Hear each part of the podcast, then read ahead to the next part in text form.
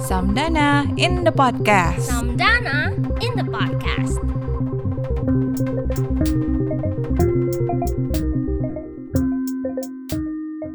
Ada banyak anak-anak muda dari Nusantara ya yang hadir di sini. Nah, kita hadir ini untuk dengar cerita dari Sekolah Adat Hobong dan baku tukar cerita ya. Jadi tidak hanya dengar tapi juga mungkin bertukar cerita apa yang kita rasakan karena mereka itu punya juga sekolah-sekolah adat di lokasinya. Betul kah? Betul, betul. Oke.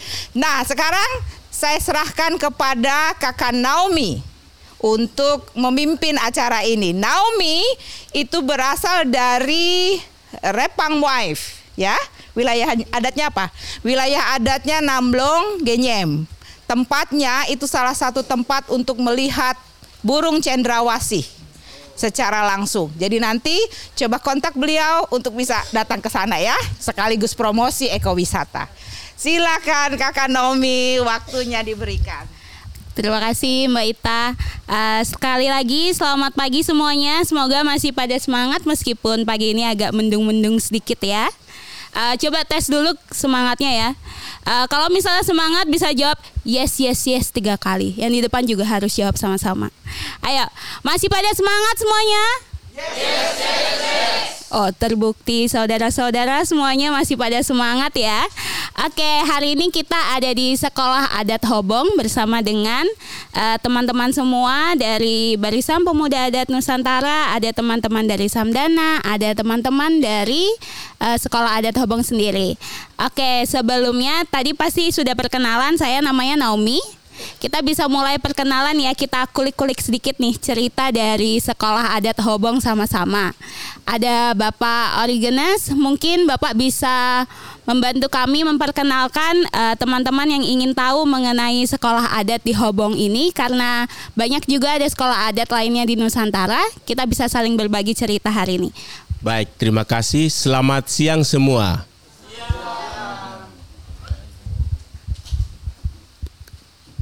Pakai bahasa ibu kalau selamat siang Rai Foi. Iya. Kita belajar sedikit dulu. Kalau pagi Rene Foi. Rai Rai Foi itu selamat siang. Iya, selamat siang itu Rai Foi. Kalau malam Hua Foi. Iya. Nanti kurang lebih selama satu minggu kita di sini ini jadi password untuk kita tegur sapa dengan masyarakat di sekitar danau. Pertama-tama saya perkenalkan diri dulu dengan teman-teman semua. Nanti baru kita cerita tentang bagaimana sekolah adat di Hobong. Pertama saya perkenalkan nama saya Origenes Monim, Kepala Sekolah Adat Papua, Kabupaten Jayapura yang di sebelah kanan saya. Baik, uh, nama saya Ronald Yarusrai. Saya dari pemerintah Kabupaten Jayapura dalam hal ini mewakili kepala dinas. Saya sekretaris dinas pendidikan Kabupaten Jayapura. Saya ditugaskan datang mendampingi teman-teman sekolah adat untuk menyampaikan beberapa hal terkait dengan dukungan-dukungan yang kita berikan kepada sekolah adat. Baik dari saya, nama saya Delila Mokai. Saya sebagai guru bahasa, sebagai bahasa ibu, mengajar juga di sekolah adat dan sekolah dasar SD. Nama saya Yahya Sokoi. Sebagai guru mulok di SD Impresi Boy Boy. Terima kasih. Nama saya Selviano Staime, kepala suku dan saya sendiri adalah guru mengajar di sekolah adat tentang norma-norma adat. Eh, nama saya Ibrahim Mulai kami sebagai uh, kampung Hobong tapi kami biasa beta di uh, Hawaii kecil ini. Terima kasih. Nama saya Juwita Ibu. Saya suka belajar di sekolah. Perkenalkan nama saya Maria Ibo. Saya suka belajar di sekolah adat. Nama saya Juanita Ibu. Saya suka belajar di sekolah adat. Nama saya Ade Rizky Monim. Suka belajar di sekolah adat. Baik, terima kasih. Mari tepuk tangan dulu untuk sesi ini.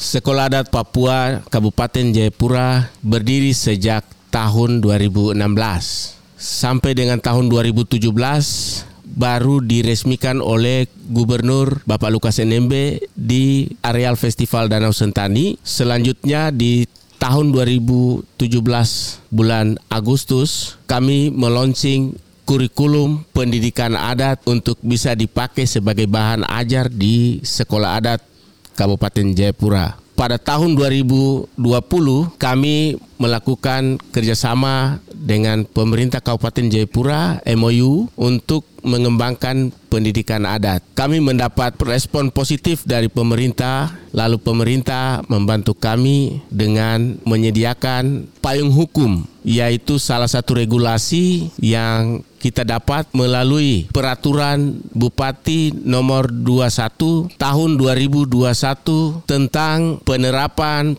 pembelajaran kurikulum muatan lokal bahasa ibu melalui pendidikan adat di wilayah Dewan Adat Suku Mamta Tabi Kabupaten Jayapura. Sekolah Adat Kabupaten Jayapura dari tahun 2017 sampai ke tahun 2019 kami melakukan proses pendidikan secara mandiri, mengundang siswa dari kampung yang ada di pulau-pulau yang ada di tengah danau ini, ada sekitar sembilan kampung. Siswanya kita jemput pakai speed tadi, jemput mereka belajar di sini. Itu dari tahun 2017 sampai dengan 2019 kami lakukan seperti itu. Setiap kali selesai dari jam pendidikan formal di sekolah, nanti jam 3 sore kami jemput mereka untuk belajar pendidikan adatnya di Sekolah Adat Kabupaten Jayapura di tempat ini. Setelah mereka belajar, kami antar mereka pulang. Apa saja yang mereka belajar? Ya tentu kalau sekolah adat pasti mereka belajar tentang pendidikan adat.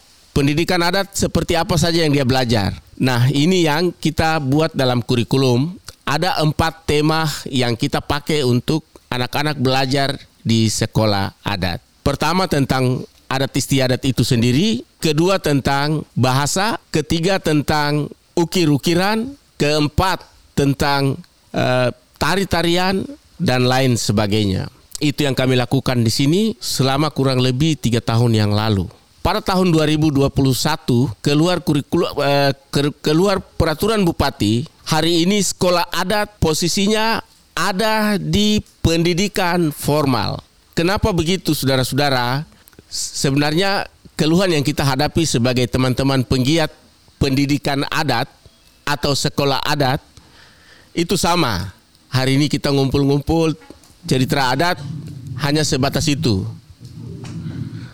Tetapi pendidikan adat yang dikelola oleh sekolah adat Papua yang ada di Kabupaten Jayapura yang ada di Hobong ini sekolah adat yang betul-betul terlembaga diakui oleh pemerintah. Akhirnya hari ini kita ada di dalam beberapa sekolah.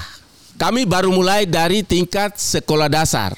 Di sekolah dasar itu ada 54 sekolah dasar mengajar anak-anak mata pelajaran muatan lokal dengan konten bahasa ibu di 54 sekolah jadi pilot project untuk kita mengajarkan pendidikan adat ini di sekolah-sekolah. Jadi sekolah adat yang dikelola oleh Sekolah Adat Papua Kabupaten Jayapura di alamatnya di Kampung Hobong ini betul-betul sekolah adat yang terlembaga sesuai dengan pendidikan kurikulum nasional. Nah, ini yang nanti kita berbagi ke teman-teman kira-kira di teman-teman yang ada kurang nanti sampaikan kita saling berbagi. Nah ini yang kami alami sampai dengan hari ini. Siswa kami yang tadinya hanya dari tahun 2017 sampai 2019 itu hanya berjumlah 176 tetapi ketika kita include masuk ke dalam pendidikan formal siswa kami hari ini berjumlah 4326 siswa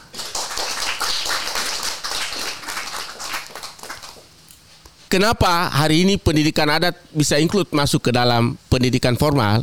Karena anak-anak yang sama yang tadinya saya bawa setelah jam 3 saya jemput mereka bawa mereka belajar di sini antar mereka pulang. Selanjutnya saya berpikir kayaknya ini anak-anak adat juga yang belajar di sekolah formal di sana. Bagaimana kalau saya bawa pendidikannya saja gabung ke sana supaya kita sama-sama ajar di sana. Itu pendidik eh, itu pikiran kita. Akhirnya hari ini siswa yang berjumlah 4000 lebih itu itu adalah siswa sekolah adat Papua Kabupaten Jayapura.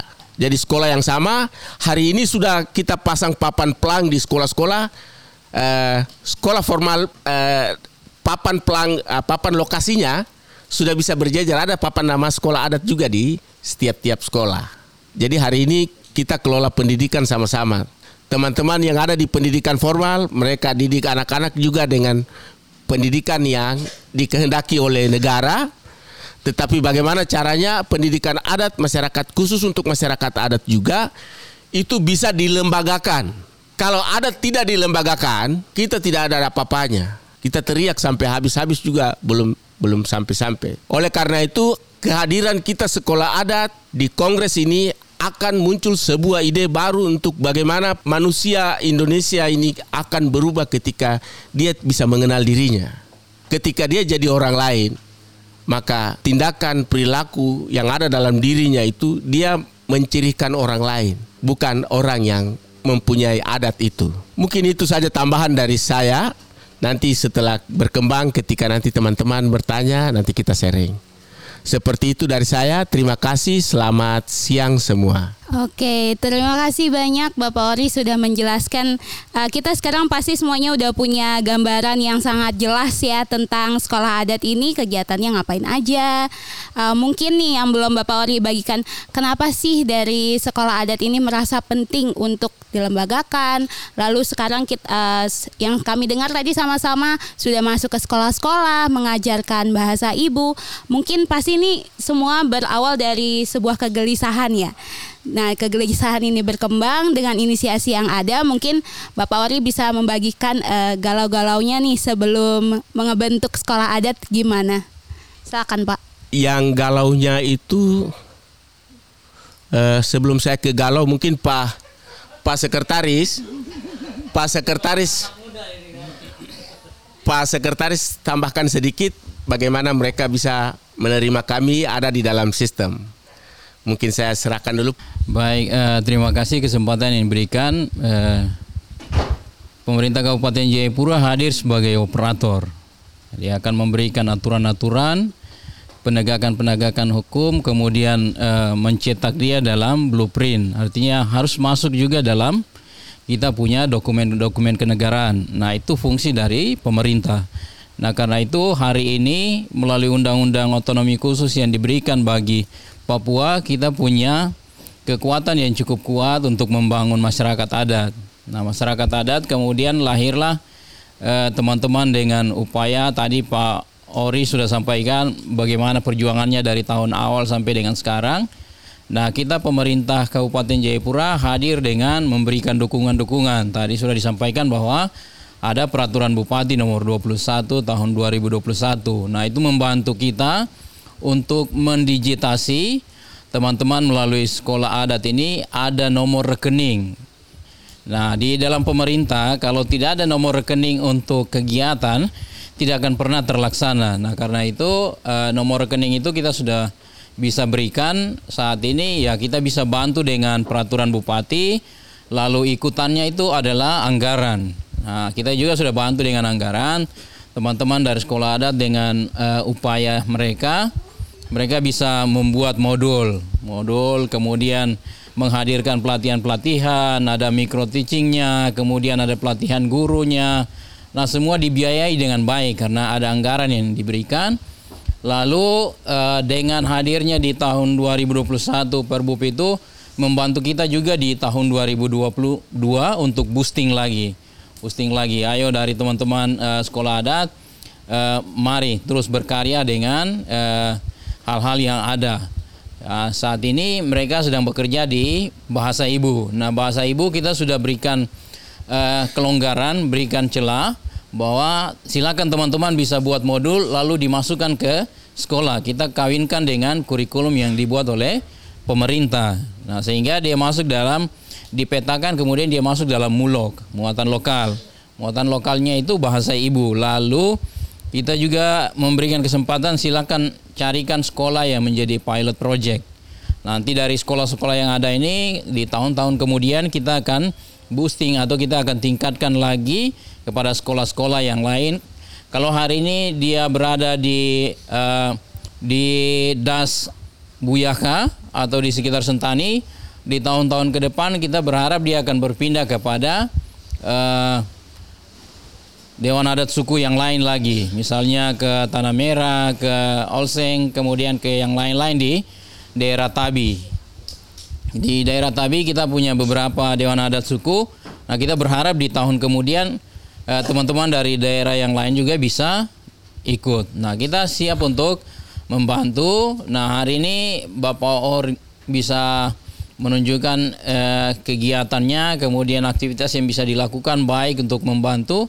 Kita punya anak-anak yang masih muda, yang masih kecil ini, kita sudah berikan kesempatan mereka hadir dengan bahasa ibu melalui uh, modul yang sudah dicetak dan ber-ISBN, artinya resmi digunakan di dalam uh, sekolah. Karena itu pemerintah sangat apa mengapresiasi karena modul itu bukan hadir hanya sebuah fotokopian tapi memang sudah dilegalisasi oleh negara. Itu hal-hal luar biasa yang sudah dibuat. Uh, tetap kita memberikan dukungan untuk uh, maju terus mengembangkan potensi yang ada. Tentunya kita mengelola sumber daya manusia di Kabupaten Jayapura secara khusus dan untuk Papua secara umum. Dari kami mungkin hal-hal itu saja yang bisa kami sampaikan. Kemudian kalau ada yang mau mengembangkan dengan pertanyaan lain, kami nanti coba untuk merespon. Terima kasih itu saja yang mungkin kita bisa sampaikan. Terima kasih Pak Sekretaris. Helm Foy. Kalau di Sentani, terima kasih itu Helm Foy. Terima kasih Helm Foy. Kalau sudah ikut perahu, turun di sebelah Helm Foy. Pak Sekretaris tadi sudah sampaikan bagaimana pemerintah bisa mensupport membantu sekolah adat untuk bisa eksis mengembangkan pendidikan adat di Kabupaten Jayapura. Nah, terkait dengan yang tadi disampaikan oleh yang eh, Ibu Omi tadi eh, mengenai galau ya memang eh, pasti teman-teman rasa sama lah seperti apa apa yang kita urus ini betul nggak? Nggak betul mungkin begitu. Iya tidak tidak juga iya begitu apa betul ini nanti akan terjadi atau tidak? Tapi saya ada punya keyakinan. Saya bisa berbagi hari ini. Apa yang hari ini kita tidak pernah tuliskan itu adalah adat istiadat kita. Kalau saya beragama Kristen, yang hari ini saya tahu itu kitab suci saya, itu yang disusun oleh orang lain. Kalau saudara-saudara yang Islam, pasti juga tahu kitab sucimu apa, tetapi disusun dan dibuat oleh orang lain lalu disadur ke dalam bahasa kita dan kitab itu juga tidak disusun dan tidak dibuat oleh leluhur orang Indonesia. Ini saya terbuka bicara bagian ini. Oleh karena itu sangatlah wajar hari ini generasi muda di seluruh Nusantara, generasi muda yang bergelut untuk mengembangkan pendidikan adat ini sangat tepat waktunya untuk hari ini kita tuliskan semua. Dan kita kembali mengajar kepada mereka yang ada di luar negara yang lain bahwa kami memang waktu itu kami belum tahu. Akhirnya kamu mengajar kami, hari ini kami sudah tahu. Kami harus kembali untuk mengabarkan kabar baik kepada mereka juga bisa toh? Pasti bisa. Hari ini saudara-saudara belum tahu bahwa ada yang dalam ada nama kecil yang ada dalam diri kita yang diberikan oleh leluhur itu hari ini dia yang bersama-sama dengan kita untuk melakukan perubahan-perubahan itu. Oleh karena itu, kita terus semangat untuk merubah secara pelan-pelan masuk ke dalam sebuah perubahan yang kita impikan itu. Nah, pendidikan adat yang ada di Kabupaten Jayapura di Papua ini alamatnya di Kampung Hobong ini kami betul-betul hanya berpikir untuk mendidik generasi muda untuk tahu adat istiadatnya saja. Kami tidak berpikir untuk mau giring anak-anak mau pergi demo enggak, mau bicara masalah tanah enggak. Tapi hari ini kita harus tahu siapa diri kita sendiri, saya di dalam struktur masyarakat adat saya, di keluarga besar saya itu saya bagaimana? Saya siapa? Dengan demikian ada strata di Indonesia kan kita kenal dengan kasta, marga apa ya? Ada struktur dari atas, tengah sampai bawah. Ini yang kita terapkan di sini supaya mereka tahu akhirnya bisa menerapkan diri dia betul-betul secara profilnya terlihat bahwa dia adalah anak adat. Rasa kesal saya yang paling galau yang tidak sama kita bayangkan hari ini ketika tahun 2019 gedung yang hari ini kita tinggal jatuh. Ketika banjir bandang air danau ini meluap sekolah gedung sekolah jatuh kantor dan sekolah ini jatuh. Guru-guru saya saya liburkan untuk beberapa tahun satu tahun lamanya. Siswa mereka tidak belajar lalu kami perbaiki gedung untuk bangun dia kembali. Saya kasih tahu teman-teman guru kumpul untuk kita kumpulkan semua puing-puing. Hari ini gedungnya seperti itu. Balok ada yang cat warna merah, ada yang tidak dicat. Ini bangkai kayu yang tadinya hampir hanyut kita kumpul kembali. Lalu kami bangun sekolah kembali lagi seperti semula. Kami terus belajar dan oleh karena itu dia membakar semangat kami untuk bagaimana betul-betul kita tembus masuk ke dalam pendidikan formal dan mengajar anak-anak dengan jumlah yang lebih banyak lagi untuk tetap mereka belajar bahasa, belajar adat istiadat kita. Mungkin itu dari saya. Terima kasih.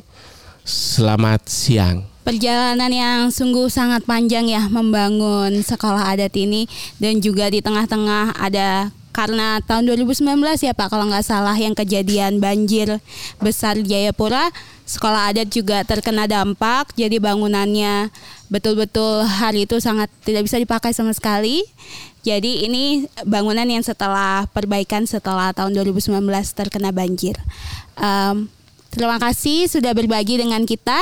Uh, kita udah dengar nih dari sisi Bapak Wari. Mungkin kita bisa dengar dari sisi perempuan ya gimana peran perempuan di sekolah adat. Mungkin Mama bisa berbagi ke kita uh, kenapa sih penting perempuan juga ikut aktif dalam menyuarakan uh, sekolah adat ini. Juga Mama berkenan untuk membagikan apa yang Mama punya kepada generasi selanjutnya.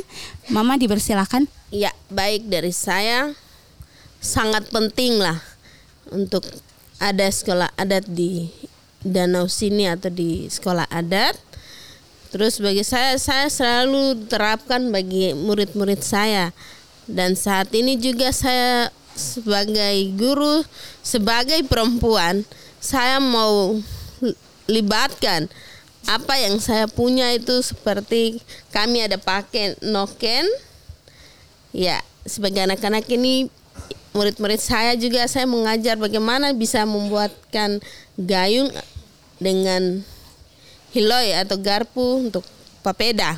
Kami sebagai ibu, kami harus punya tekad berarti kami bisa untuk meneruskan bagi anak-anak kami, bagi masyarakat kami, bagi bangsa dan negara. Itu dari kami sebagai perempuan dan saya sendiri sebagai guru, saya tidak pernah mau terlepas dari bahasa leluhur kita. Bagi saya itu sangat penting dan itu harus dibudayakan di tengah-tengah masyarakat kami sebagai orang Sentani. Dan budaya itu sering kami lakukan di dalam masyarakat. Bahkan di dalam sekolah adat. Seperti Bapak kepala sekolah buat kegiatan panggil kami kami datang. Kami kami tahu di mana di situ kami mendapat sebagian besar pengalaman yang harus kami terima di dalam sekolah adat, bahkan di sekolah juga. Dari sini kami belajar, kami bisa terapkan di rumah kami, di tempat tinggal kami, di sekolah kami, kami bisa terapkan dari sekolah adat. Apa yang kami belajar dari sekolah adat itu yang kami terapkan di masing-masing tempat. Mungkin dari saya itu saja. Uh, sekarang mungkin kita ke anak muda nih. Nah, lalu untuk teman-teman muda yang ada di sini nih, kan dari barisan pemuda adat Nusantara ya. Berarti uh, pasti juga menggeluti hal yang sama, uh, galau-galaunya sama, tujuannya juga sama. Mungkin bisa berbagi satu dua teman uh, apa yang dihadapi di tempat di tempatnya mungkin bisa mirip nanti setelah ini kita bisa sharing-sharing lebih dalam mungkin ada teman-teman yang mau berbagi dari barisan pemuda cerita-cerita boleh. Jangan lupa perkenalan ya biar kita semua jadi saling kenal. Perkenalkan nama saya Natalia Kori. Saya pemuda adat asal dari Sintang, Kalimantan Barat. Saat ini Uh, saya juga baru akan memulai uh, beberapa perjuangan sama dengan uh, Bapak Ibu yang ada di Papua, di mana keseharian saya saya baru saja uh, melakukan sebuah gerakan pulang kampung, di mana pada awal tahun 2022 ini saya memutuskan untuk pulang kampung. Di akhir tahun 2021 saya masih sebagai seorang pegawai kontrak di lembaga keuangan, namun pada akhirnya saya memutuskan untuk pulang kampung. Saya merasa apa ya, setiap kali saya pulang kampung saya punya rasa keprihatinan terhadap anak-anak di kampung saya. Maka dari itu melalui BPAN saya yakin saya pasti bisa gitu apa yang harus saya kerjakan yaitu yang pertama saya mulai mengajak anak-anak setiap jam 2 kumpul di rumah saya kita belajar bersama apa itu uh, adat istiadat kita kita belajar bersama kita saya suka menari jadi saya ajarkan anak-anak di kampung saya itu menari tradisional Dayak. Kemudian juga saya mengajak mereka ayo kita gali permainan tradisional kita dulu itu apa karena kebanyakan sekarang ini anak-anak itu sudah terpengaruhi oleh teknologi. Jadi uh, pulang sekolah mereka pergi ke kantor desa untuk uh, main wifi di situ. Jadi saya coba ajak mereka sudah kita jangan main teknologi, kita punya permainan tradisional. Ayo kakak punya mainan tradisional, ayo kita belajar sama-sama main tradisional saja gitu kan. Jadi di situ saya uh, memulai gerakan-gerakan uh, untuk mengajak anak-anak itu agar uh, jangan dulu, jangan dulu main uh, teknologi gitu. Kita main tradisional aja. Jadi saya ajak adik-adik itu belajar menari, belajar mengenal musik tradisional dan meng menggali permainan tradisional.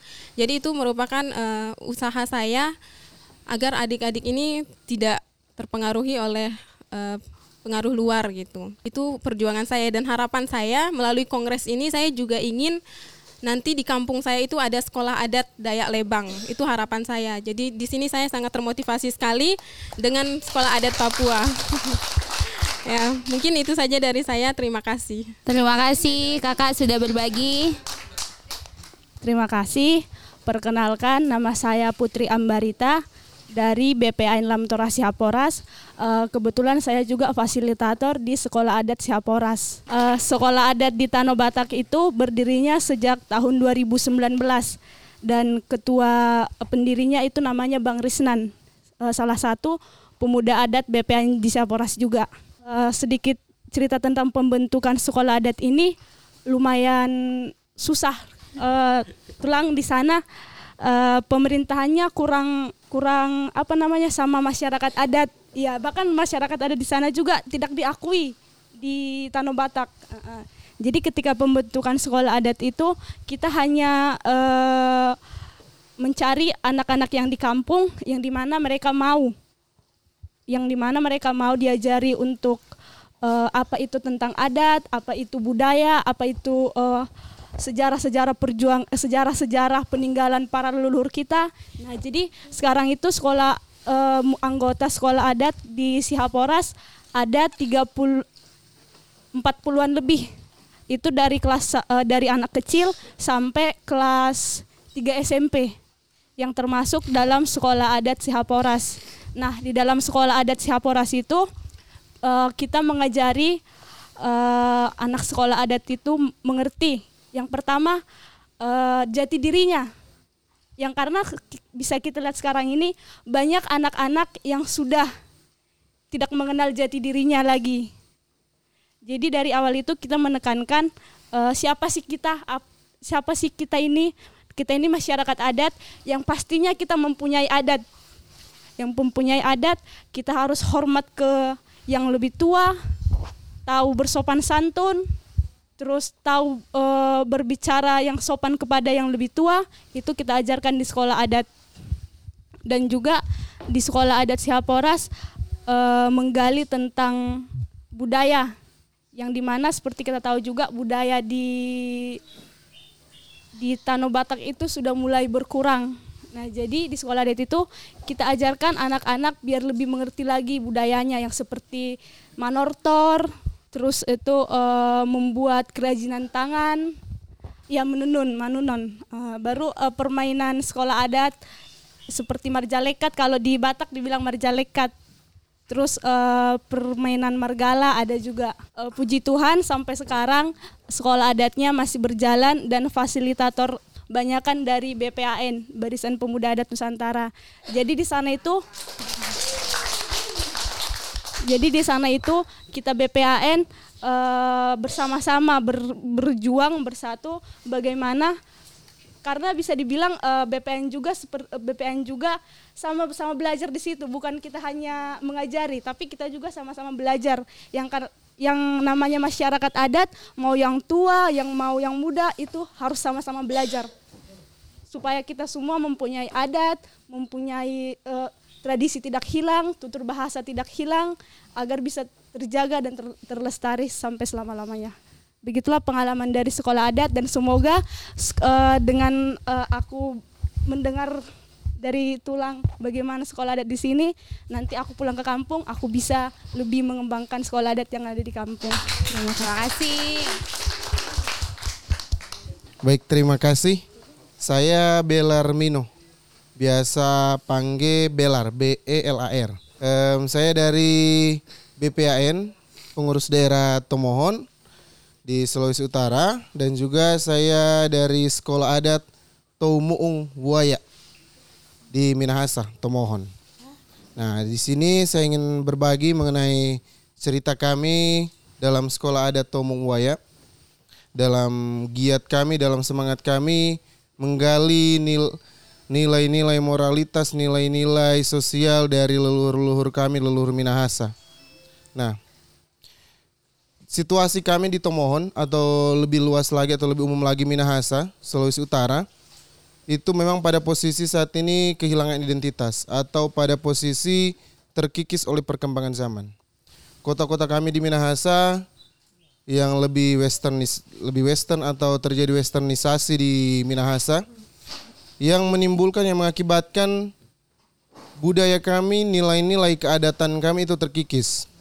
Bahkan hilang. Ketika masa kolonial, stigmatisasi sampai saat ini masih terus terjadi terhadap orang-orang yang bergelut dalam dunia keadatan atau bisa juga kami sebut sebagai masyarakat adat di Minahasa. Tinggalan leluhur kami secara fisik masih ada. Secara ingatan kolektif masih ada tapi sudah kurang. Bahkan tradisi kami hanya tersisa atau kami dapat itu dari dari tradisi lisan. Tidak ada tradisi tulisan. Yang kami dapat itu kalau situasi pada masa leluhur-leluhur kami itu atau pada masa lampau itu kami dapat dari tulisan-tulisan kolonial. Dari Portugis, dari Spanyol atau yang paling terkini itu kami dapat dari tulisan-tulisan di Belanda. Nah, itu yang kami sangat sayangkan sampai saat ini. Da, di Minahasa, khususnya di daerah saya di Tomohon, di kota Tomohon, ada sekolah adat Tomong Waya yang giat dalam penggalian nilai-nilai tradisi, nilai-nilai moralitas dari leluhur kami Minahasa. Kami yakin dan percaya tidak ada leluhur di Nusantara ini yang meng- yang mengajarkan brutal ataupun anarkis. Tidak ada yang seperti itu.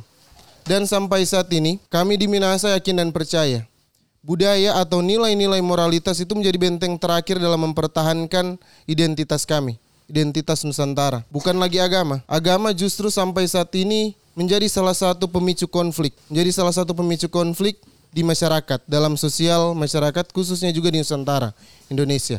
Jadi itulah urgensi atau itulah kepentingan kami menggali nilai-nilai moralitas kami, nilai-nilai keadatan kami. Ada satu filsafat dari orang tua kami dari Samratulangi, Sitou Timou Tumoutou, yaitu orang hidup itu untuk menghidupkan orang lain, tidak untuk mematikan orang lain. Nah itu yang kami pegang sampai saat ini. Ada tiga semangat kami, yaitu untuk menghidupkan orang lain.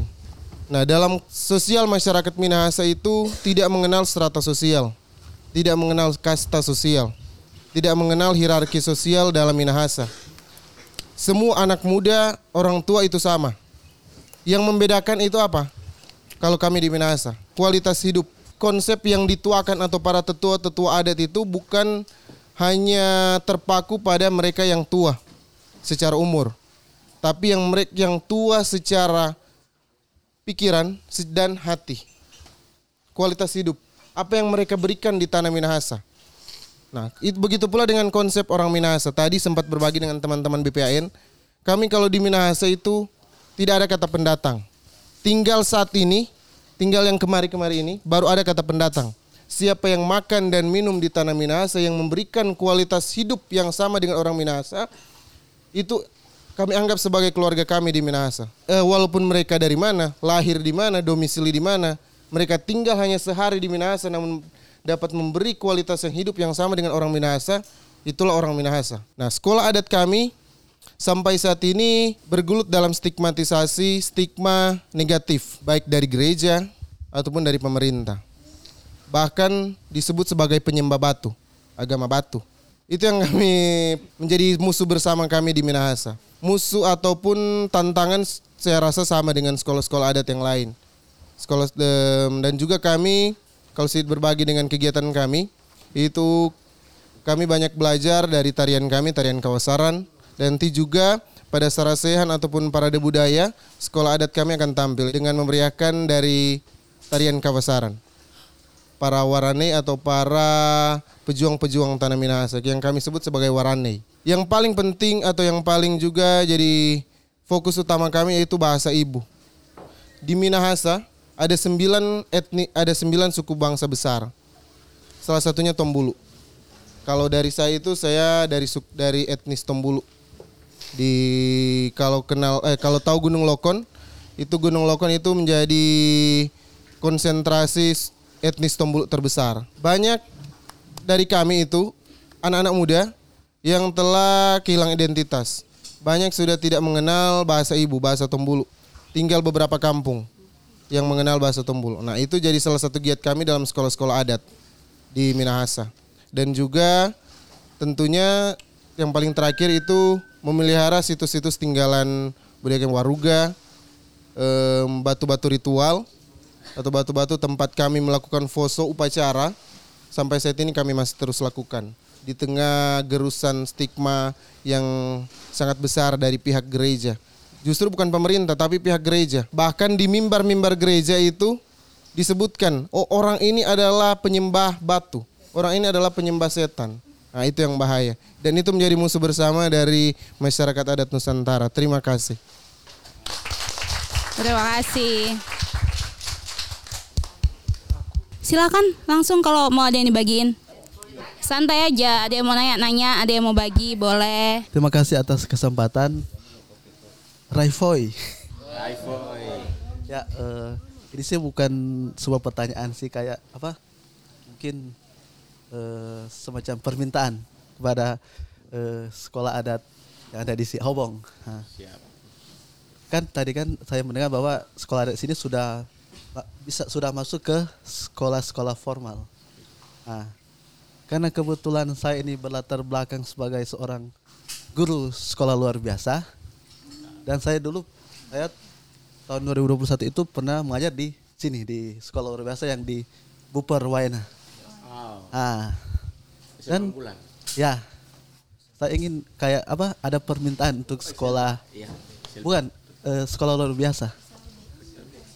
SLB. Iya, Ah. Saya ada semacam apa ya keinginan. Eh, kira-kira kalau misalnya sekolah adat apa ini Hobong bisa eh, juga masuk ke ha sekolah luar biasa. Karena apa? Eh, pengalaman saya mengajar anak-anak luar biasa itu mereka itu saya itu butuh keterampilan-keterampilan dan eh, apa ya eh, keterampilan keterampilan yang memang mungkin apa eh, memiliki ikatan apa hati dengan mereka. Karena ada banyak murid-murid kita itu berasal dari sekitaran Sentani sini. Nah, jadi saya kira mungkin permintaan saya kira-kira bisakah mungkin suatu saat nanti atau mungkin kapan saja kalau diperkenankan untuk sekolah adat Hobong ini bisa juga masuk ke sekolah luar biasa. Bukan mungkin tidak hanya yang ada di Bupor tapi mungkin ya ada di juga di Kota Raja atau yang ada di mana pokoknya ada di tanah Papua ataupun bisa mungkin menyebar ke seluruh Indonesia karena apa? Anak-anak luar biasa itu juga mereka itu membutuhkan apa? sentuhan-sentuhan yang saya rasa itu sentuhan itu lebih cocok itu diberikan oleh apa eh, mungkin komunitas yang dekat dengan mereka. Mungkin kalau di sini komunitas. Karena kan kebanyakan sekarang kan orang berpikir eh, saya pernah eh, apa? Ganti. mendapat murid tapi ini eh, di daerah saya di Sulawesi Utara. Ada anak-anak seperti itu eh, dia itu lahir dari lingkungan keluarga yang mem- memiliki eh, memegang kuat adat istiadat. Nah, tetapi karena keluarganya itu memegang kuat adat istiadat, akhirnya anak ini di di stigma bahwa pembawa sial, kutukan. Nah, dari situ saya berpikir bahwa saya berpikir eh, apa eh, untuk supaya bagaimana bisa menghapus stigma-stigma itu. Nah, kalau mungkin dari kita sebagai guru sekolah formal mungkin agak susah untuk menghapus stigma itu. Karena itu stigma itu kan stigma apa? kutukan atau pembahasan itu kebanyakan itu di, diberikan oleh orang-orang yang memegang kuat adat istiadat. Nah, saya berpikir menurut saya itu sangat eh, mungkin akan lebih lebih berhasil apabila yang menghapus stigma itu dari komunitas-komunitas sekolah adat. Karena akan karena pasti akan lebih dipercaya. Kalau kita yang bis- bisa cuma guru hanya guru formal mungkin akan dibilang oh kalian tidak tahu apa-apa, tidak tahu adat. Nah, ta- tapi kalau mungkin dari sekolah adat atau mungkin dari komunitas-komunitas adat mungkin akan lebih dipercaya. Oleh karena itu eh, saya di Sulawesi Utara eh, kebetulan saya didorong oleh teman-teman dari eh, teman-teman Bella dan teman-teman lain dari sekolah adat didorong untuk eh, membuat suatu komunitas komunitas yang berlan- berlandaskan eh, nilai-nilai budaya lokal kami. Nah, ada komunitas yang saat ini sedang kami dalam baru dalam apa persiapan baru dalam persiapan nama itu komunitas Mahkarya. Mahkarya itu artinya eh, berteman. Nah, komunitas ini adalah komunitas yang berlandaskan nilai-nilai budaya, kearifan lokal, tapi khusus untuk anak-anak difabel. Kita itu nantinya akan eh, masuk ke sekolah-sekolah luar biasa yang ada di Sulawesi Utara. Karena kalau orang masyarakat umum, masyarakat yang ibaratnya tidak tidak apa tidak memegang sudah tidak lagi memegang adat istiadat atau sudah ibaratnya sudah tidak peduli lagi dengan nilai-nilai budaya malah mereka berpikir bahwa anak-anak ini bukan pembawa sial tapi eh, mereka sudah bisa tahu oh ini mungkin karena kelainan genetik atau begini-begini. Tapi dalam komunitas adat itu sendiri masih ada yang berpikir bahwa oh mereka pembawa sial. Mereka itu kutukan dari dari misalnya dari leluhur kita karena kita begini begini begini begini begini begini begini. Nah itu salah satu apa mungkin apa impian saya atau eh, ya keinginan saya mungkin sekolah adat Hobong mungkin bisa bisa menghapus stigma itu untuk anak-anak eh, difabel yang ada di tanah Papua ataupun di di wilayah adat di sini. Eh, iya, terima kasih. Oh ya, saya eh, nama saya perkenalkan nama saya Rama. Eh, kebetulan sekarang juga ada di Barisan Pemuda Adat Nusantara sama kayak teman-teman. Iya, jadi eh apa sangat menginspirasi ya apa dari Pak Origenes dan teman-teman eh yang bisa membawa apa membawa sekolah adat itu menjadi satu hal yang memang penting dan kemudian itu juga ditanggapi positif oleh pemerintah daerah Jayapura Eh, apa itu sangat menggugah eh, kami begitu dari BPAN yang eh, apa banyak juga menjalankan eh, program-program sekolah adat ini. Dan banyak mungkin banyak bisa banyak belajar dari teman-teman yang ada di Hobong eh, Bapak Orgenes dan teman-teman. Itu betul-betul apa memberi secerca harapan bahwa eh, ternyata ada jalan eh, di mana adat istiadat itu bisa kita masukkan sebagai salah satu eh, poin yang penting untuk kita ajarkan baik itu di pendidikan formal ataupun eh, di pendidikan kita di luar yang kita galang bersama-sama. Nah, eh, saya mungkin sebelum bertanya, saya sebenarnya mau bertanya, tapi sebelum itu eh, kalau di apa di Aman sendiri beserta beberapa organisasi sayapnya, utamanya BPAN itu eh, kami juga punya apakah namanya ada 15 prinsip eh, apa 15 prinsip pendidikan adat itu. Kalau kami buatnya 15 prinsip pendidikan adat karena ada ketakutan-ketakutan juga ketika pendidikan adat itu eh, apa kemudian di melenceng begitu dari apa nah akhirnya kami berinisiatif membuat itu. Eh, coba saya bacakan ya. Kalau yang pertama itu pendidikan adat itu harus berbasis komunitas masyarakat adat dan harus dimulai dari dan oleh komunitas itu sendiri. Maksudnya eh, komunitas itu yang ingin bahwa dia harus ada ko- eh, sekolah adat di situ atau pendidikan adat. Kedua itu isi pendidikan adat itu harus ditentukan oleh komunitas adat itu sendiri. Jadi eh, apa ingin memberikan kedaulatan penuh kepada teman-teman di komunitas. Kalian mau belajar apa? Itu diberikan penuh kepada teman-teman di komunitas. Ketiga itu pendidikan adat mulai dari visi para tetua yang dan berakar dalam kehidupan dan budaya masyarakat adat setempat. Saya tadi eh, apa sempat kita juga kehadiran ke apa Bapak kepala suku. Saya sangat oh teman-teman ini sangat betul-betul menginspirasi kita ya. Terus pendidikan adat itu dimulai dalam bah- dari bahasa ibu setempat. Pendidikan adat harus sesuai dengan jati diri, pola pikir, cara hidup, dan sistem pengetahuan setiap masyarakat adat. Terus keenam itu pendidikan adat mengembalikan jati diri anak-anak masyarakat adat. Ketujuh pendidikan adat membuka cakrawala anak-anak masyarakat adat untuk hidup di wilayah adat daripada memisahkan diri mereka dari akar budaya dan wilayah adat mereka sendiri. Eh, Kedelapan itu pendidikan adat mendukung pengakuan dan perlindungan hak-hak masyarakat adat termasuk hak untuk menentukan nasib sendiri. Kesembilan pendidikan adat itu menyiapkan pemimpin generasi penerus di wilayah adatnya. Kesepuluh pendidikan adat sesuai dengan kehidupan sehari-hari di wilayah adat. Sebelas pendidikan adat dirancang untuk mencapai impian masa depan bersama, bukan mimpi perorangan.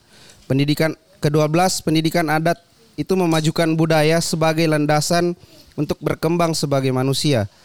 Ke-13 pendidikan adat mengutamakan cara berpikir yang menyeluruh daripada cara berpikir yang terkotak-kotak. Ke-14 kegiatan belajar mengajar dalam pendidikan adat tidak hanya di ruang kelas, tetapi bisa menggunakan semua tempat yang ada di wilayah adat kayak teman-teman yang lakukan ini. Terus pengajar dalam pendidikan adat juga mencakup para tetua dan pemegang sistem pengetahuan di masyarakat adat. Nah, dari apa? Saya kemudian tadi membaca itu dan melihat penjelasan dari bapak-bapak, saya bilang, oh ini kayaknya pola pendidikan adat yang tepat begitu.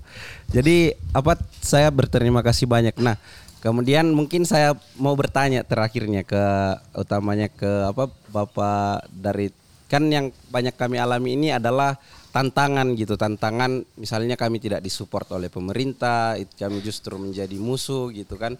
Dianggap sebagai eh, kalian tidak mau ikut ya sama sistem pendidikannya pemerintah. Nah saya sendiri penasaran kepada Bapak Sekretaris kira-kira apa begitu yang menggugah pemerintah daerah Jayapura gitu sam, apa untuk bisa kemudian mensupport dan eh, mendukung eh, apa sekolah adat ini untuk terus berjalan itu. Terima kasih. Terima kasih. Terima kasih untuk semua teman-teman yang sudah berbagi. Eh, rasanya kalau udah berbagi itu kita rasanya punya teman juang ya. Sama-sama berjuangnya ada temennya gitu. Kan asik kalau rame-rame bareng-bareng. Mungkin dari pertama pertanyaan terakhir yang dari Kak Rama betul ya? Bisa dibantu oleh Bapak? Baik, eh, terima kasih. Kami coba untuk eh, memberikan penjelasan ya. Sebenarnya bukan jawaban, tapi penjelasan mungkin lebih bagus. Yang pertama, teman-teman sekolah adat memang mereka sudah eksis. Tadi seperti tadi sudah digambarkan bahwa dari tahun 2014 mereka berjuang sendiri sampai dengan eh, 2017-19 ada banyak masalah yang mereka hadapi. Lalu kita pemerintah Kabupaten Jayapura memang apa sekolah adat mendapatkan tempat eh, diskusi bersama dengan Bapak Bupati, pimpinan daerah ya. Nah karena itu kita bisa kemudian eh, organisasi perangkat daerah menerjemahkan apa yang sudah didiskusikan oleh sekolah adat bersama dengan pimpinan daerah. Jadi kalau misalnya sekolah adat kita di apa Kabupaten Jayapura, Pak Organis dengan teman-teman mereka berusaha kemudian eh, uh, menjalin diskusi dengan bupati, bupati bisa menerima dengan baik. Nah, itu kekuatan yang yang luar biasa. Nah, memang nanti Pak Ori sendiri yang menjelaskan bagaimana kiat-kiat beliau uh, dekat sampai dengan pimpinan daerah sehingga uh, semua itu bisa berjalan dengan baik. Itu sisi yang pertama. Sisi yang kedua, uh, kalau kami sebagai operator uh, yang ditunjuk untuk dinas pendidikan artinya menggeluti dunia pendidikan, kami bertanggung jawab untuk setiap warga negara di Indonesia ini khususnya di Kabupaten Jayapura mendapatkan hak yang sama untuk belajar. Nah, itu poin utamanya. Nah, karena itu sekolah adat datang dengan ide yang luar biasa bisa diterima oleh pimpinan daerah. Kita dari dinas hanya bisa menerjemahkan uh, kebijakan atau perintah dari pimpinan daerah itu ke dalam program-program. Nah, itu yang bisa kita lakukan sehingga kita tidak bisa mengatakan pimpinan daerah mengatakan ayo kita bisa bantu. Lalu perangkat daerahnya tidak bisa. Nah, itu yang uh, tidak boleh terjadi. Kalau pimpinan daerahnya dengan kekuatan penuh bilang uh, atau sampaikan bahwa kita bisa membantu sekolah adat. Nah mereka juga mendidik anak-anak kita. Bukan orang lain yang didik karena orang orang lain yang dididik. Nah karena itu kita menerjemahkan untuk saat ini memang digitasi untuk masuk sampai dengan program itu masih terbatas pada dana hibah ya paling tidak teman-teman bisa tahu. Nanti kemudian uh, waktu karena kita Kabupaten Jayapura uh, bidang kebudayaannya baru merging ke kita di bulan Juli. Jadi kita mungkin di tahun-tahun ke depan baru kita bisa digitasi secara khusus untuk sekolah adat. Nah untuk sekarang ini dia masih digitasinya itu atau nomor rekeningnya masih pada dana hibah jadi dana hibah ya teman-teman di sekolah adat silakan. Ini ada sejumlah anggaran yang disiapkan oleh pemerintah daerah. Silakan secara kreatif dilaksanakan nanti baru dipertanggungjawabkan kepada pemerintah. Nah, itu untuk skema untuk penjelasan yang kedua. Nah, untuk yang ketiga bahwa memang perlu kerja-kerja yang luar biasa. Kita tidak bisa berdiri sendiri lalu kita eksklusif. Mungkin saya tangkap dari sedikit apa tadi sharing-sharing kita tidak bisa mengatakan kita eksklusif. Kita berdiri sendiri kita apa uh, maunya begini kita harus begini. Tidak bisa. Di dunia yang zaman sekarang ini teman teman-teman juga harus bisa membuka diri sedikit untuk berkolaborasi dengan pemerintah. Maksud kita baik tapi hanya tinggal caranya saja. Kalau hari ini kita uh, tidak bisa diterima oleh pemerintah karena apa? Kita lihat celahnya itu sehingga dari celah bahwa pemerintah menolak kita karena ada stigma seperti tadi beliau sampaikan, ya mari kita coba lihat yang stigma itu apa kita bisa perhalus dia. Sehingga pemerintah mengatakan bahwa ini hal yang baik. Tapi kalau kita eksklusif, nah itu agak susah bagi pemerintah ini kan dia melihat semua orang dengan kacamata yang sama. Dia tidak bisa berdiri untuk satu orang lalu dia pisahkan kacamatanya sendiri. Tidak. Sekali dia buat aturan satu untuk semua. Nah, karena itu ya saya hanya dalam penjelasan yang ketiga ini mengatakan eh, kalau teman-teman dari adat sudah mengatakan bahwa kami adalah kami, ya mari tinggal perhalus dia. Perhalus dia mungkin lewat diskusi-diskusi bahwa kita memang ada, tapi kita punya ini bisa kita bisa masuk. Nah, karena itu kita di Kabupaten Jayapura pemerintah bisa memberikan ruang karena teman-teman sekolah adat punya apa eh, mereka bisa terima apa yang kita sampaikan. Oke, ini Bapak apa teman-teman sekolah adat punya kebutuhan, tapi kita di pemerintah itu kita mau terstruktur ada silabusnya, ada modulnya, apa baru bisa masuk ke sekolah. Tidak bisa dia masuk saja begitu ke dalam sekolah formal, mesti dibentuk ada organisasinya secara terstruktur. Nah, karena itu teman-teman sekolah adat sudah berusaha dan mendapatkan buku uh, yang mau diajar bahasa ibunya itu ber-ISBN. Itu penting sekali karena diakui oleh negara. Sehingga ketika masuk ke sekolah itu kita dari pemerintah daerah atau dinas pendidikan secara khusus kita memberikan ruang yang besar untuk bisa masuk sampai ke sekolah formal. Nanti sampai di sekolah formal baru silakan eh, teman-teman melalui uh, guru-guru bisa diajarkan secara khusus konten-konten yang dimaksudkan. Itu saja sih. Yang ketiga itu sifatnya ada legitimasi dari dari pemerintah terhadap perjuangan teman-teman. Mungkin dengan cara yang berbeda atau mungkin masih ekstrim atau masih uh, masih kental sekali nilainya mungkin bisa diperhalus. Nah, setelah masuk di pemerintah baru silahkan teman-teman bisa bisa mengembangkan lebih luas. Memang jati diri itu penting sekali untuk setiap orang. Itu yang bisa kami kasih gambaran, bukan sebuah jawaban tapi gambaran lebih lebih luasnya. Mungkin nanti teman-teman mau bertanya lebih spesifik, silakan nanti didiskusikan kemudian. Bagaimana itu saja. Terima kasih. Baik, eh, saya tambahkan sedikit terkait dengan 9 poin tadi. 15. 15 tadi poin yang keberapa itu bisa yang yang kita ditakutkan hari ini itu di poin yang itu bisa berdiri sendiri kah? Itu dia identik dengan merdeka. Bisa diartikan macam-macam. Akhirnya sekolah adat hari ini itu kita dibenturkan dengan pasal itu. Jadi kongres besok itu segera kita rubah. 15 itu itu bagian mana yang hari ini kita menganggap de, dari kongres ke kongres yang tidak memberikan kontribusi terhadap gaya kita untuk pendidikan adat tidak bisa masuk ke dalam pendidikan formal itu itu segera dilihat kembali di kongres nanti. Itu itu saran dari saya. Karena kenapa? Sekolah adat Kabupaten Jayapura itu dia tidak menganut kaidah ini. Dia lebih geraknya. Kalau saya lihat di ini, saya kaku untuk bergerak. Itu aja ya saya mau kasih tahu. Loh kenapa dia lebih cepat? Saya lebih cepat karena saya tidak perhatikan itu. Kalau saya perhatikan itu, saya takut nantinya. Saya bikin ini nanti ini salah nanti. Jadi saya tutup mata aja benturkan gitu. Sampai keinginan saya kalau tidak tahun besok itu sudah sekolah adat Kabupaten Jayapura jadi sekolah negeri. Sekolah adat jadi sekolah negeri di Indonesia. Dengan demikian apa harapan dari Pak Sekretaris dari posisi pemerintah tadi itu itu kita dianggap leluasa untuk bisa mengembangkan pendidikan itu. Nah, tergantung cara kita saja. Seperti itu saya dengan gaya saya untuk mengembangkan pendidikan adat, teman-teman lain dengan gayanya seperti itu. Tujuan kita semua sama. Pasti akan kita capai. Kalau aku duluan, berarti nanti kita sama-sama gabung dan kita rayakan kebersamaan itu.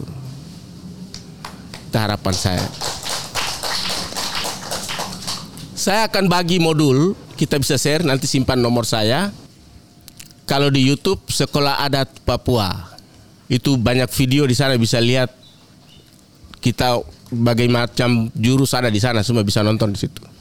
Jadi hari ini bisa lihat-lihat orangnya baik-baik aja. Padahal tadinya kayak Wiro Sableng begitu. 212 707 begitu begitu. Uh, mungkin itu tambahan dari saya ya. Nanti selanjutnya bisa WA, chat kita bisa berbagi. Terima kasih, selamat siang. Terima kasih banyak untuk kedua bapak-bapak yang sudah menjelaskan.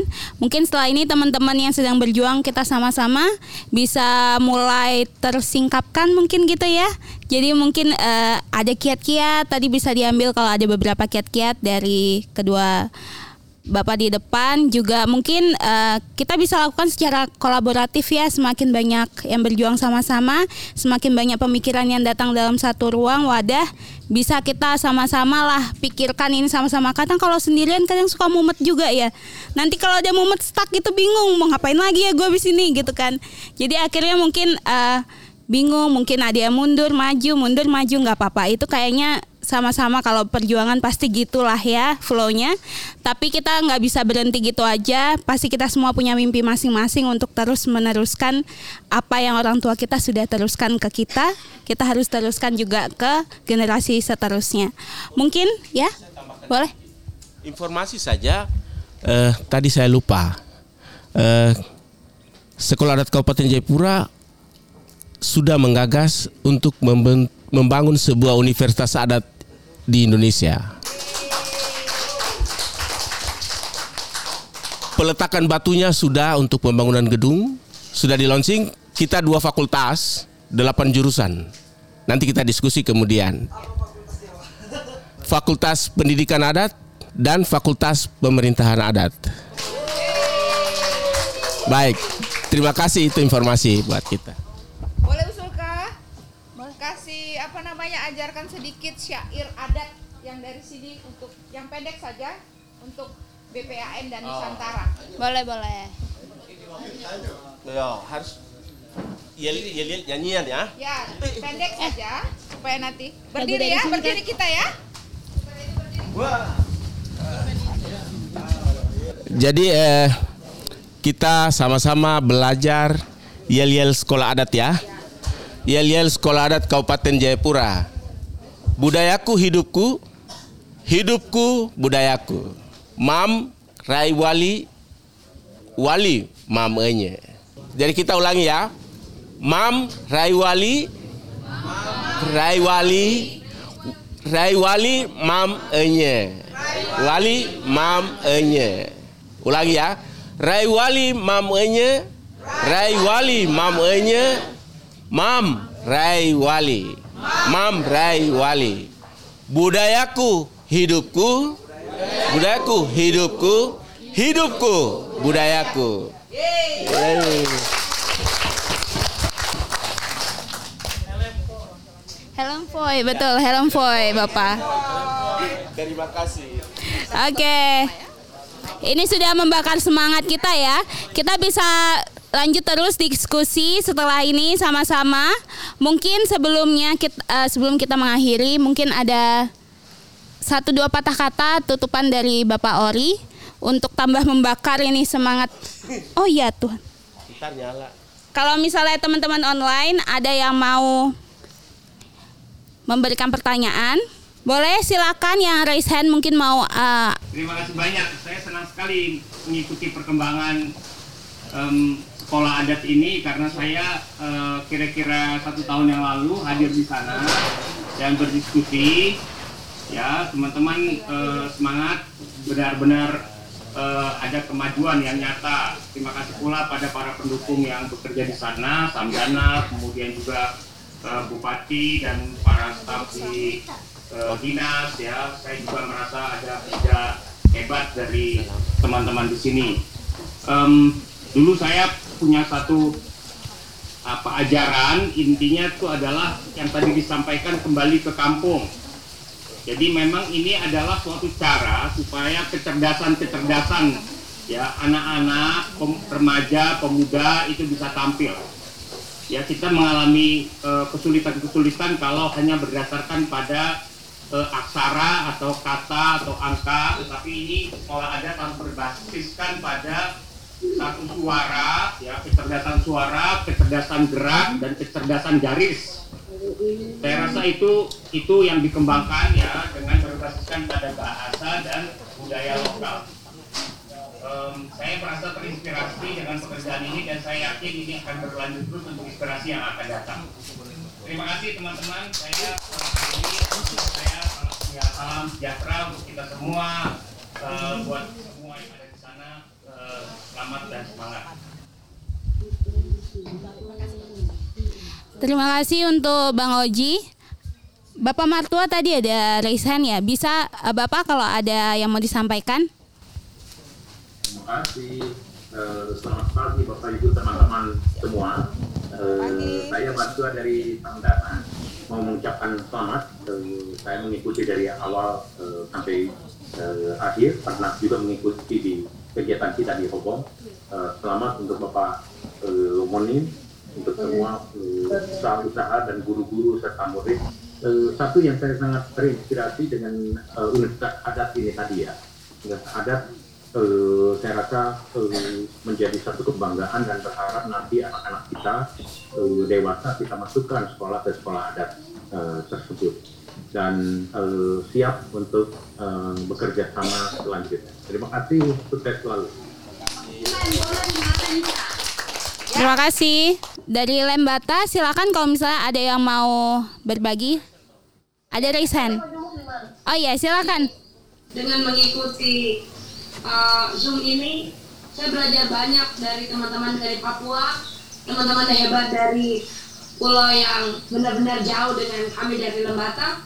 Uh, ini sangat menginspirasi saya karena uh, saya adalah salah satu perempuan yang lagi berjuang untuk uh, mengangkat tentang tradisi ada di daerah saya.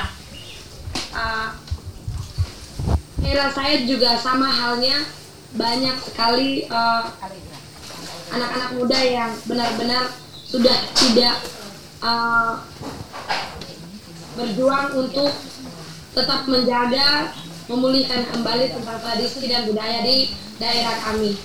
Nah, eh, ini satu terbesar saya bahwa generasi penerus dari daerah saya juga harus tetap berjuang untuk menjunjung tinggi tentang nilai dan tradisi. Uh, inspirasi yang hari ini saya terima, saya dengan tim dari Allegra Lembata, kita akan berjuang dengan teman-teman muda di daerah kami untuk sama-sama mengangkat tentang budaya dan tradisi, menggali kembali tentang budaya dan tradisi di daerah kami, supaya mimpi tentang harapan anak muda tentang budaya Allegra itu salah satu komunitas muda di Lembata, singkatan dari Anak Lembata Riang Gembira. Jadi mereka bikin satu komunitas itu. Nah, ini eh, adalah pemimpinnya, perempuan ini. Dia adalah koreografer untuk tari-tari yang modern, tapi juga menggabungkan dengan dengan etnik ya, tarian-tarian etnik. Dia memimpin salah satu penutupan festival dengan 700 anak muda di sana untuk bisa eh, apa namanya me- menutup festival itu. Jadi ini salah satunya. Jadi kita kirim semangat untuk kawan-kawan dari Allegra dari sini. Ada lagi? Pojok baca. Boleh silakan dari pojok baca. Selamat pagi semua teman-teman di Jayapura, apa kabar? Pagi. Boy, boy. Salam kenal dari saya Ici Arubone, saya dari Pojok Baca Popo Sawu, juga tergabung di jejaring Pemuda Pemimpin Inspiratif eh, NTT bersama Ibu Yeti, Pak Yahya, dan termasuk Kak Odi tadi dari Lembata. Terima kasih buat inspirasinya Bapak berdua terus ibu-ibu semua yang ada di sana juga eh, kakak-kakak keren sekali. Eh, jadi di pojok baca juga ini saya dan teman-teman itu lagi berjuang untuk menghidupkan kembali aksara lota. Jadi aksara lota itu eh, salah satu aksara yang hampir punah di Indonesia selain aksara Lampung. Eh, jadi di sini juga kami banyak karena kami kan hidupnya di ND itu di kota ya, di pusat kota. Anak-anak di kota itu eh, terkait budaya, terkait bagaimana sih adat istiadat itu sudah semakin miris kita lihat ya teman-teman.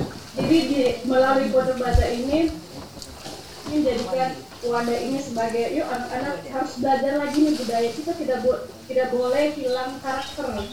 Orang bilang eh, hilang karakter itu hilang dari dirimu gitu. Budaya adalah salah satu karakter kita untuk menunjukkan siapa saya di depan orang banyak gitu. Terima kasih buat inspirasinya eh, dan universitas adatnya dan sekolah adatnya ini sangat menginspiratif kami di pojok baca eh, saya mohon nanti bisa berbagi juga cerita dan modulnya ya Pak Siap. Siap, terima kasih. Terima kasih banyak. Di sini tidak sendiri nih bergerak karena banyak Asik. teman-teman yang lagi berjuang untuk bagaimana mempertahankan budayanya. Luar biasa semuanya teman-teman. Salam kenal dari NJ. Lagi ada? Nggak ada.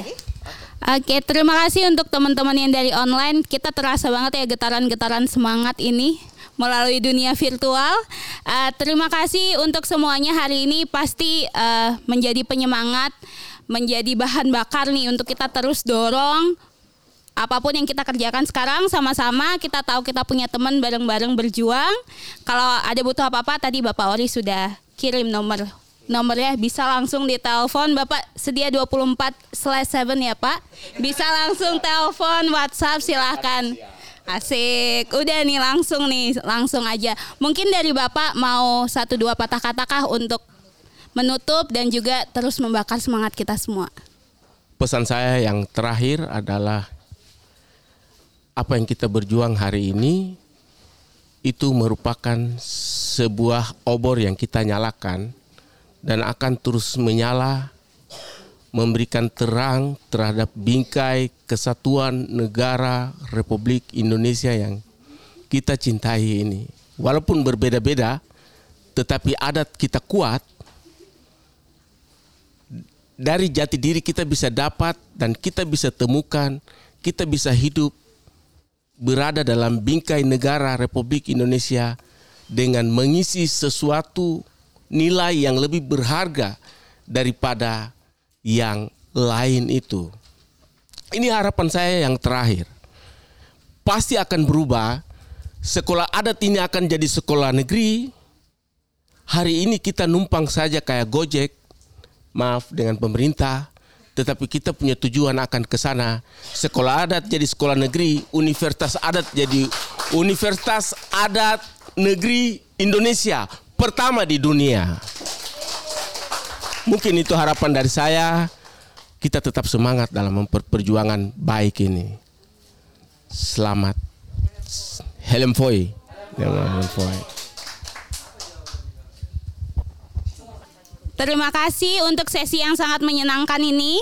Semoga semangatnya terus menyebar ke Nusantara ya. Uh, makasih untuk teman-teman yang sudah bergabung semuanya.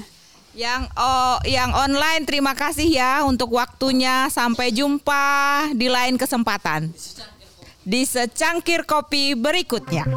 Samdana in the podcast. Samdana in the podcast.